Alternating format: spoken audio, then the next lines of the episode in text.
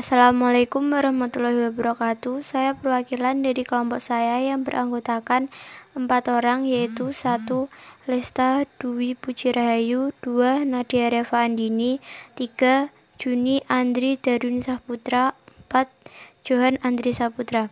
Di sini saya sebagai perwakilan akan menyampaikan rangkuman tentang 8 kerajaan yang ada di Nusantara.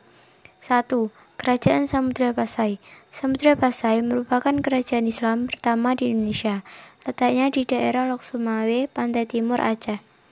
Raja-rajanya adalah Sultan Malik Al-Saleh, Sultan Muhammad yang bergelar Malik Al-Zahir 1297 sampai 1326.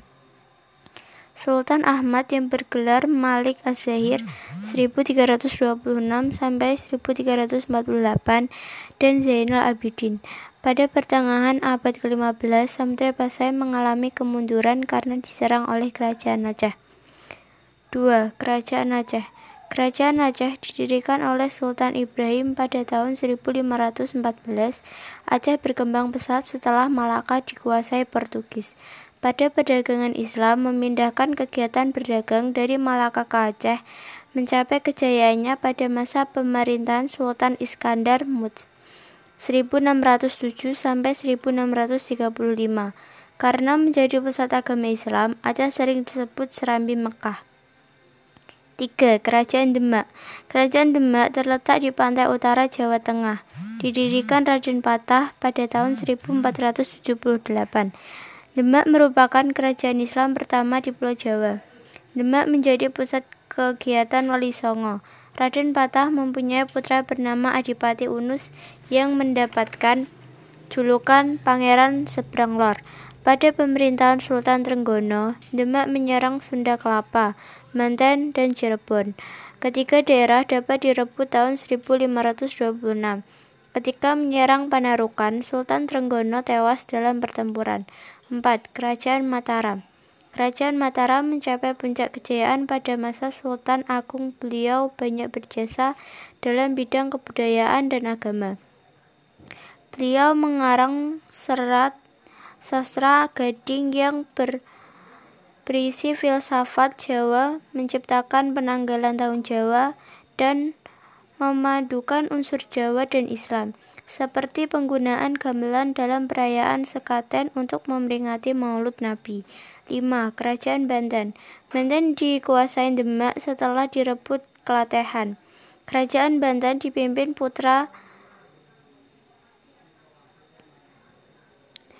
Viatehan yang bernama Hasanuddin. Dia berhasil mengusir Portugis dari Sunda Kelapa pada tahun 1000 527 di bawah pemerintahannya, Banten menyebarkan agama Islam kepada lawan Jawa Barat. Selain itu, Banten berhasil menguasai Lampung. Kerajaan Banten mencapai puncak kejayaan pada masa pemerintahan Sultan Ageng Tritayasa 1651 sampai 1682. 6. Kerajaan Gowatalo Kerajaan Gowatalo terletak di Sulawesi Selatan pada tahun 1605. Agama Islam masuk ke kerajaan Gowatalo melalui seseorang ulama dari Minangkabau bernama Aforibandang. Karang Tunigalo adalah Raja Goa pertama yang memeluk Islam. Gelar Karang Tunigalo adalah Sultan Alauddin.